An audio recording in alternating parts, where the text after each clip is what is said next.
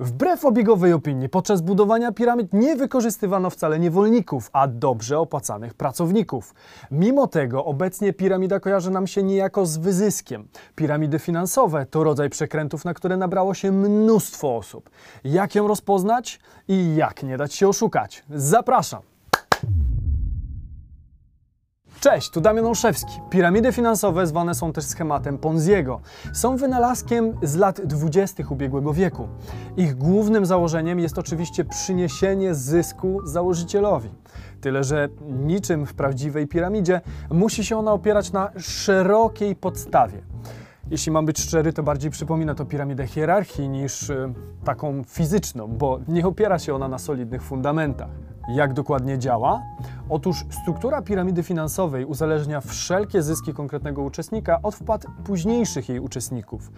Ci będą od niego niżej w strukturze i bardzo często ich wpłaty będą wyższe, a potencjalne zyski coraz to niższe. Dodatkowo na każdym kolejnym etapie potrzebne będzie coraz więcej uczestników. Spowoduje to, że struktura takiej organizacji przypominać będzie właśnie piramidę. No i stąd wzięła się nazwa całego procederu. Już na tym etapie pojawiają się pierwsze problemy. Wyobraźmy sobie, że powstaje taka piramida. Pierwszy członek, założyciel, zaprosi do niej sześciu członków, bo właśnie tylu przyniesie mu zysk. Następnie przekaże im, że każdy z nich musi teraz zaprosić minimum sześć osób, żeby uzyskać swój własny przychód. Dzięki temu pod sobą będzie miał 6 osób plus 36, daje nam to 42 osoby, z których będziemy czerpać zysk. Kolejny etap to kolejne 216 osób i prostą matematyką dochodzimy do tego, że w okolicach 10 kroku potrzebne nam będzie bagatela 60 milionów osób. Musicie przyznać, że to całkiem sporo. Tutaj właśnie leży klucz zarobków w tym schemacie duża ilość uczestników, która musi wpłacać jakieś pieniądze albo poświęcać swój czas, aby zarabiać na tych, którzy są w strukturze wyżej, bez żadnej realnej szansy na uzyskanie własnych przychodów. Pierwszy taki schemat powstał w 1920 roku i był dziełem właśnie Charlesa Ponziego, włoskiego imigranta w USA. Wtedy odkrył on, że można zarobić na europejskich kuponach pocztowych poprzez wymianę ich na amerykańskie znaczki. Do swojego biznesu zaciągnął kilku inwestorów, którym obiecał 50% zysku i bonusy, jeśli ci przyciągną kolejnych inwestorów, od których oczywiście odprowadzą odpowiednią opłatę na rzecz właściciela firmy. W teorii wszyscy mieli zarabiać i cieszyć się zyskami ze znaczków, tyle że wtedy przybył moment, który został opisany przez pewnego ekonomistę Hajmana Mińskiego.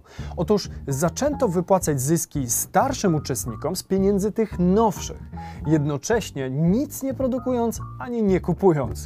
Znaczki wcale nie były kupowane, a przynajmniej nie w takiej ilości, żeby pokryć zapotrzebowanie finansowe Ponziego. Była to zwykła mistyfikacja. Kwestią czasu było więc odkrycie całego oszustwa przez media, które odkryły, że Ponzi wcale nie miał deklarowanych 7 milionów. Jego struktura nie mogła więc wypłacić swoim inwestorom pełnych kwot. Straty oszacowano wtedy na 15 milionów dolarów, a sam Ponzi trafił do więzienia. To był pierwszy schemat piramidy w historii. Może to Was zaskoczyć, ale od tamtego czasu niewiele się zmieniło. Bardzo często oszuści wdrażają dokładnie ten sam schemat. Zmienia się jedynie flagowy produkt albo ilość potrzebnych osób, czy też kwota wpłaty. Ostatnio twórcy takich biznesowych złudzeń, bardzo świadomi tego, co robią i jak robią, ubierają cały proceder w coraz to nowe nazwy, wskazując na pozorne tylko różnice. Jak więc rozpoznać piramidę? Przede wszystkim, jeżeli coś brzmi za dobrze, aby było prawdziwe, to zwykle prawdziwe po prostu nie jest. Najczęściej oferowany będzie nam duży zysk w niedługim horyzoncie czasowym i przy niewielkim wkładzie. Niewielkim oczywiście w porównaniu do zysku, bo przecież 2000 zł są prawie niczym, jeśli za pół roku będziemy mieli dwa mieszkania i trzy samochody.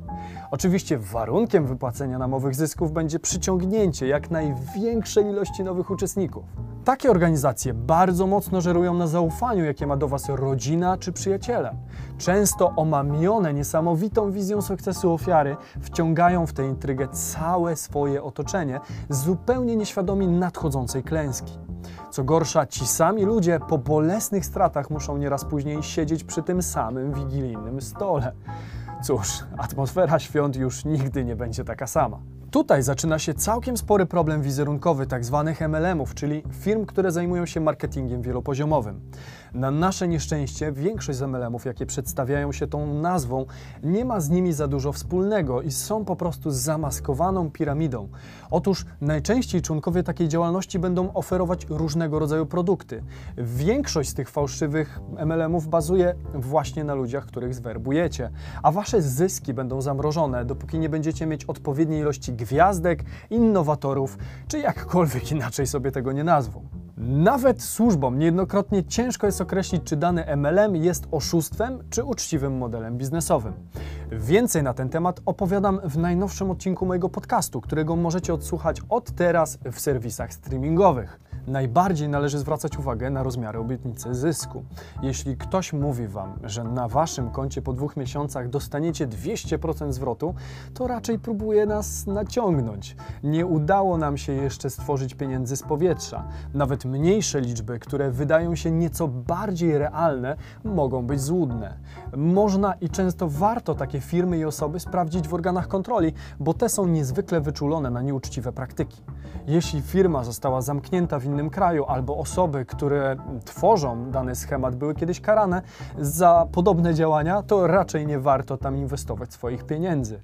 Ponadto, jeśli ktoś proponuje nam udział w jakiejś podejrzanej działalności, bo przypomniał sobie o nas po latach i ma dla nas genialny biznes, o którym nie może nam po prostu powiedzieć przez telefon czy napisać, to jak mawiał klasyk, to wiedz, że coś się dzieje. Każda wymijająca odpowiedź bądź jej brak to oczywista czerwona lampka. Niestety piramidy finansowe stają się coraz to mądrzejsze i bardziej cwane. W ostatnich latach raportowana jest ich coraz większa ilość. W 2017 roku zamknięto jeden z MLM-ów, który oszukał niemal 120 tysięcy osób, operując na kwocie niemal 550 miliardów dolarów. Jednak to i tak nic w porównaniu do tego, co udało się zrobić Berniemu Madoffowi, który w latach 70 stworzył firmę, która używając spółek stabilnych na giełdzie, obiecywała inwestorom 20% zysków na wszystkim, co włożą w biznes. Przez niemal trzy dekady udawało mu się oszukiwać amerykański urząd skarbowy, balansując organizacjami charytatywnymi, odpisami podatkowymi i wieloma innymi metodami. Szacuje się, że dzięki umiejętnemu balansowaniu budżetem nie musiał on inwestować żadnych pozyskanych pieniędzy już w latach 90. To oznacza, że przez 10 lat wypłacał ludziom ich własne pieniądze, a ci byli niczego nieświadomi. Wszystko posypało się jak domek z kart dopiero w latach 2000, kiedy to firmy krzaki zaczynały mieć problemy z płynnością finansową, a połączone siły kilku banków narodowych w końcu trafiły na ślad gigantycznego przekrętu. Mówimy tu o kilkunastu miliardach dolarów, setkach firm krzaków i dziesiątkach ludzi zamieszanych w cały proceder. Do teraz odkrywane są kolejne meandry finansowego imperium, a odszkodowania będą wypłacane przez wiele, wiele lat. Sprawa ta wywołała sporo kontrowersji, zwłaszcza, że udziałowcami w firmie Madoffa były chociażby banki, które straciły naprawdę duże pieniądze. Sami widzicie, jakie ryzyka czyhają na niczego nieświadomych konsumentów.